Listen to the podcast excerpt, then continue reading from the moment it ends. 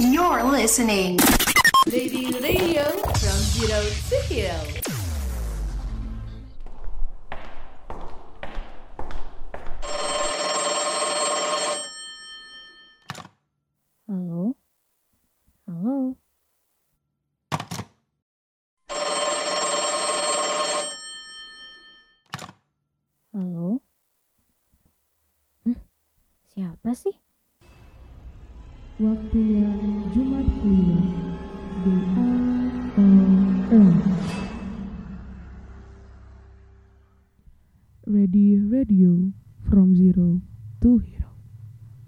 Sobat Ready Kembali lagi dengan aku Gisel Dan aku Gibi.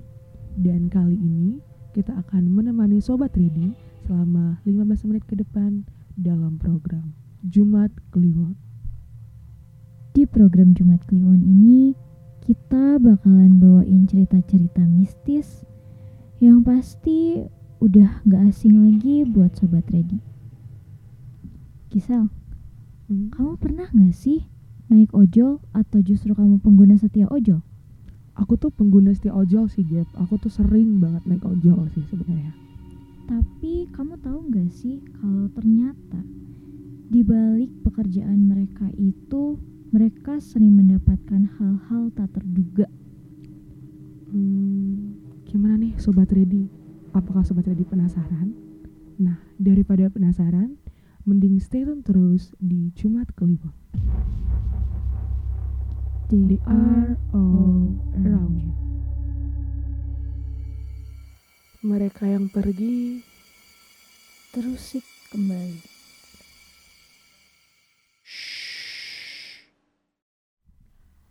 Halo Sobat Ready, di segmen kali ini aku bakal bawain cerita tentang seorang ojek online yang ingin mengendarai penumpang tetapi malah salah jalan karena ia merupakan seorang pendatang dan ia melihat sosok yang menyerupai manusia. Pada penasaran? Langsung aja, ini dia ceritanya. Cerita ini menceritakan kisah seorang driver ojek online yang tersesat ketika mengantarkan penumpang ke daerah Porongpong di Bandung Barat. Sebut saja namanya Roy. Dia merupakan driver online kelahiran Jakarta yang telah menjalani profesi driver ojek online selama 4 tahun di kota Bandung. Namun, pengalaman pertamanya menginjakkan kaki di kota Bandung itu harus diwarnai oleh pengalaman horor. Berawal dari tawaran pekerjaan dari salah satu keluarga dekatnya sebagai tukang packing sayuran di bilangan Lembang, Kabupaten Bandung Barat. Saat itu dia masih ngojek. Namun, dia pun memutuskan untuk mencoba menjalani pekerjaan tersebut. Setelah mencoba pekerjaan yang menuntutnya untuk duduk dan beraktivitas dalam ruangan, Roy merasa jenuh. Ketika pekerjaannya sedang libur, dia kembali mencoba menyalakan aplikasi ojek online-nya milik dia untuk mencari penghasilan tambahan. Meskipun tak begitu hafal dengan rute jalanannya ada di kota Bandung, hal ini dilakukan Roy secara berkelanjutan, di mana ketika pekerjaannya sebagai tukang packing sayuran libur, dia isi waktu tersebut dengan menyalakan aplikasi tersebut dan bekerja sebagai ojek online. Suatu ketika Roy mendapatkan orderan makanan ke daerah timur kota Bandung. Bahkan saat itu juga dia sempat berdebat dengan ojek pangkalan karena tidak tahu aturan zona merah tempat ojek online dilarang masuk ke area tersebut. Apalagi jika membawa penumpang. Setelah menyebutkan bahwa dia driver dari Jakarta dan belum mengetahui banyak mengenai zona yang ada di kota Bandung, Roy melanjutkan petualangannya mencari penumpang. Selang beberapa kemudian, hingga waktu menunjukkan pukul 11 WIB, akhirnya setelah menunggu lama sambil melakukan perjalanan, dia mendapatkan penumpang di sekitar Pusdai dengan tujuan ke daerah Porongpong. Sekitar pukul setengah 12 malam, Roy pun bergegas mengantarkan penumpang tersebut agar dirinya bisa segera pulang. Selama perjalanan yang dilalui malam itu, Roy sama sekali tidak merasakan hal-hal yang aneh atau mengganjal dengan penumpangnya. Dia bersanda gurau bersama sang penumpang, melewati jalan Kolonel Matsuri dan menurunkannya di depan gerbang komplek. Setelah itu Roy menyalakan navigasi menuju tempat tinggalnya dan memutuskan untuk pulang. Dia mengaku tidak memiliki firasat tertentu saat dia melaju mengikuti arahan navigasi di ponselnya. Namun, setelah beberapa waktu, Roy mulai tersadar bahwa arah jalan yang dilaluinya berbeda dengan jalanan yang dilalui ketika mengantarkan penumpang. Roy melanjutkan perjalanan tanpa rasa khawatir sedikit pun. Tiba-tiba Roy diarahkan menuju sebuah pasar tradisional yang terlihat olehnya banyak orang yang menggunakan pakaian yang sangat tradisional. Wanita berkebaya dengan bawahan kain, juga pria yang masih menggunakan belangkon dan celana hitam sedengkul. Terlihat normal tanpa adanya kecurigaan ketika Roy menemui hal tersebut. Selama melewati jalan itu pun dia melihat banyak dagangan dimulai dari sayuran, buah-buahan, daging, hingga kue khas jajanan pasar.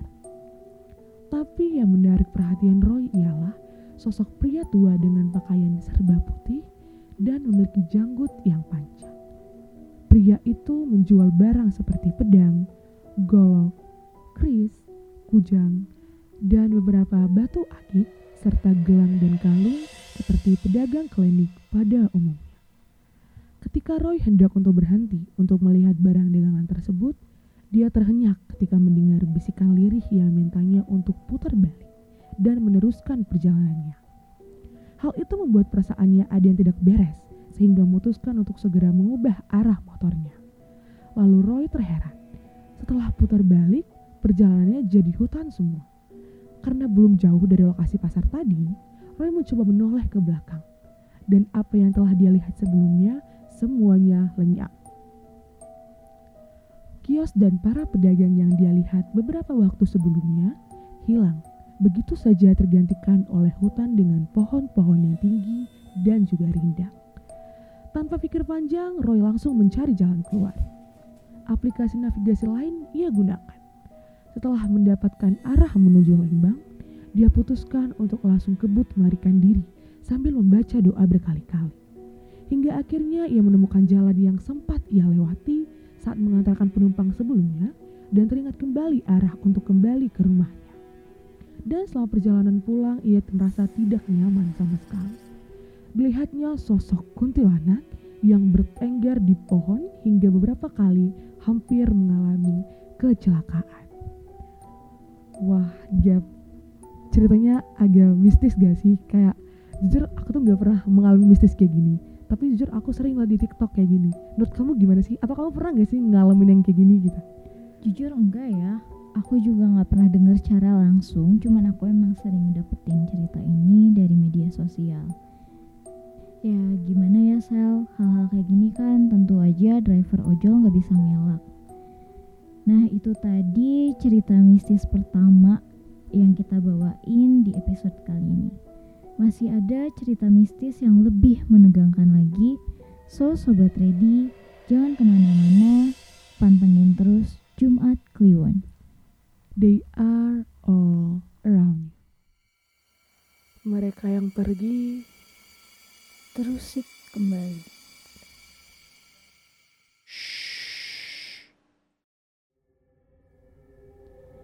Halo sobat ready, kali ini aku bakalan bawain cerita horor yang mungkin sobat ready udah nggak asing.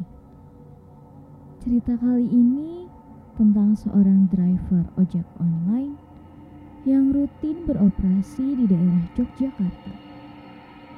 Ya, kita sebut saja namanya Roni.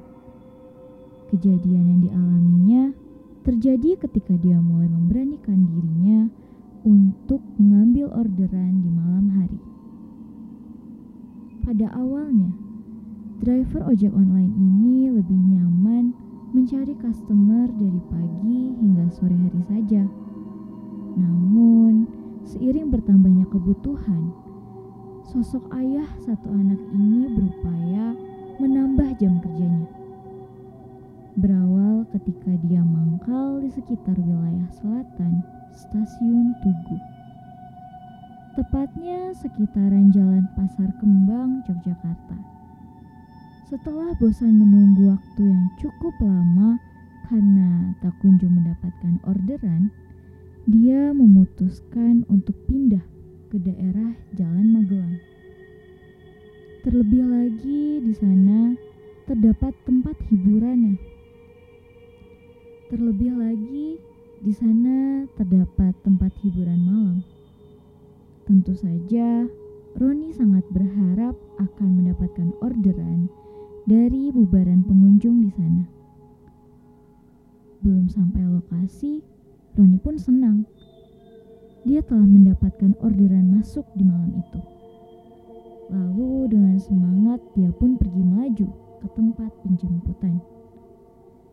Setelah sampai di titik penjemputan, terlihat seorang wanita cantik, tinggi semampai, berambut pirang yang diduga sebagai penumpang Roni kala itu.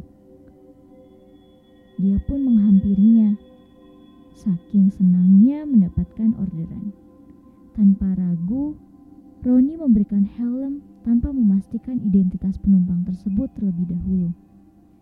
Tak mau mengecewakan penumpangnya, Roni segera tancap gas dengan kecepatan sekitar 80 km per jam dan selama perjalanan dia fokus mengemudikan sepeda motornya tanpa mengecek apa pun dalam aplikasi miliknya.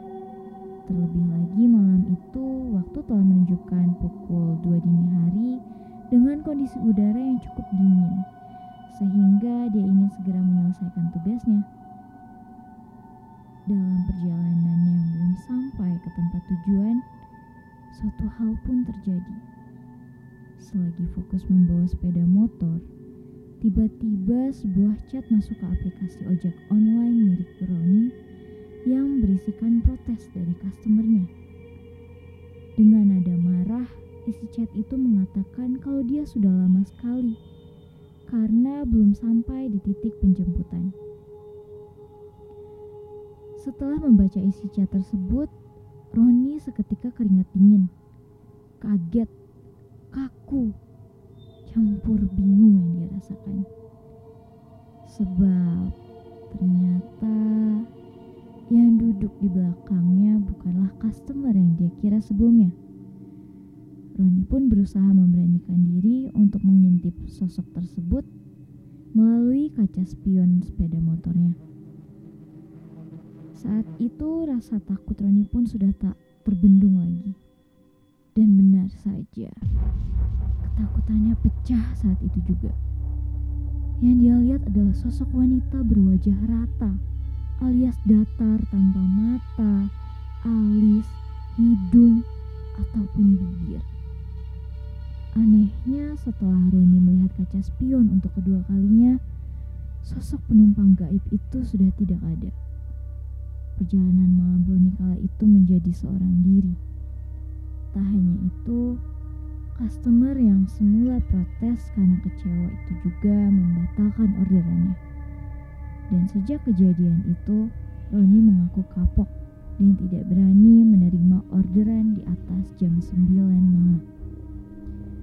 Waduh Gisel, aku ceritain ini benar-benar merinding banget sampai sekarang ngebayangin Gimana kalau aku yang ada di posisinya Rani saat itu? Wah mungkin kayaknya kalau aku udah kabur sih Gap, udah terbirit-birit gitu. Bener banget sih ya, semoga aja kita dijauhin ya dari hal-hal kayak gitu dan kita berdoa untuk para driver ojek online semoga dilindungi dari hal-hal mistis kayak gini. Oke sobat ready, itu tadi kejadian-kejadian mistis yang kita ceritain tentang driver ojek online di Jumat Kliwon kali ini. Mereka yang pergi terusik kembali.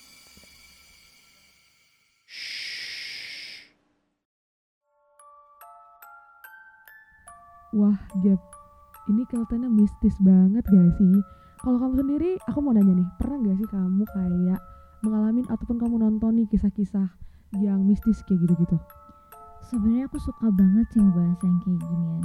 Aku suka banget nontonin paranormal experience dan sebenarnya kasus yang kayak gini-gini driver ojek online kayak gini aku udah sering banget dengerin dan aku nggak nyangka banget kalau kali ini kita ngebawain cerita yang sering kita dengerin sebelumnya. Yes, bener banget Gap. Kalau dari aku sih, aku mau nyaranin kalau misalkan untuk bapak ojek kali ya Gap, mereka nggak boleh ngambil orderan di atas jam 12 malam gak sih? Kayak lebih lebih aware gitu kayak lebih takut gitu loh. Kalau kamu gimana sih kira-kira tanggapannya? Kalau menurut aku sih nggak apa-apa ya. Cuman lebih dipastiin aja nih buat teman-teman atau driver online yang lagi ngedengerin kita sekarang kayak penumpang yang lagi mereka jemput sekarang itu beneran penumpang atau bohongan. Dan sebisa mungkin kalau lagi narik atau lagi mengendarai jangan sampai pikirannya kosong dan banyak-banyak baca doa sih kalau dari aku. Ya, itu Bapak Ojol mungkin bisa dicatat kali ya tips and triknya gitu. Oke, mungkin segini aja yang bisa kita ceritain kali ini di Jumat Kliwon.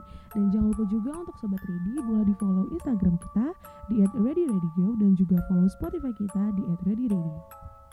Dan aku Michelle. Aku Gaby, kita pamit undur diri. Sampai ketemu di episode Jumat Kliwon selanjutnya. Dadah. Jumat Kliwon. T R O Ramja.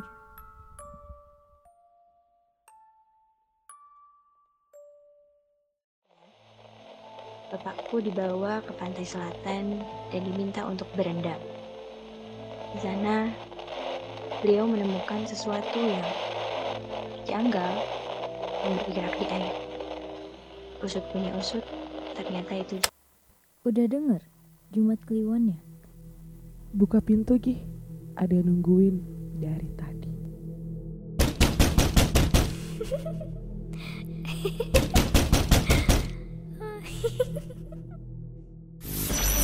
You're listening. Lady Radio from Zero to Hero.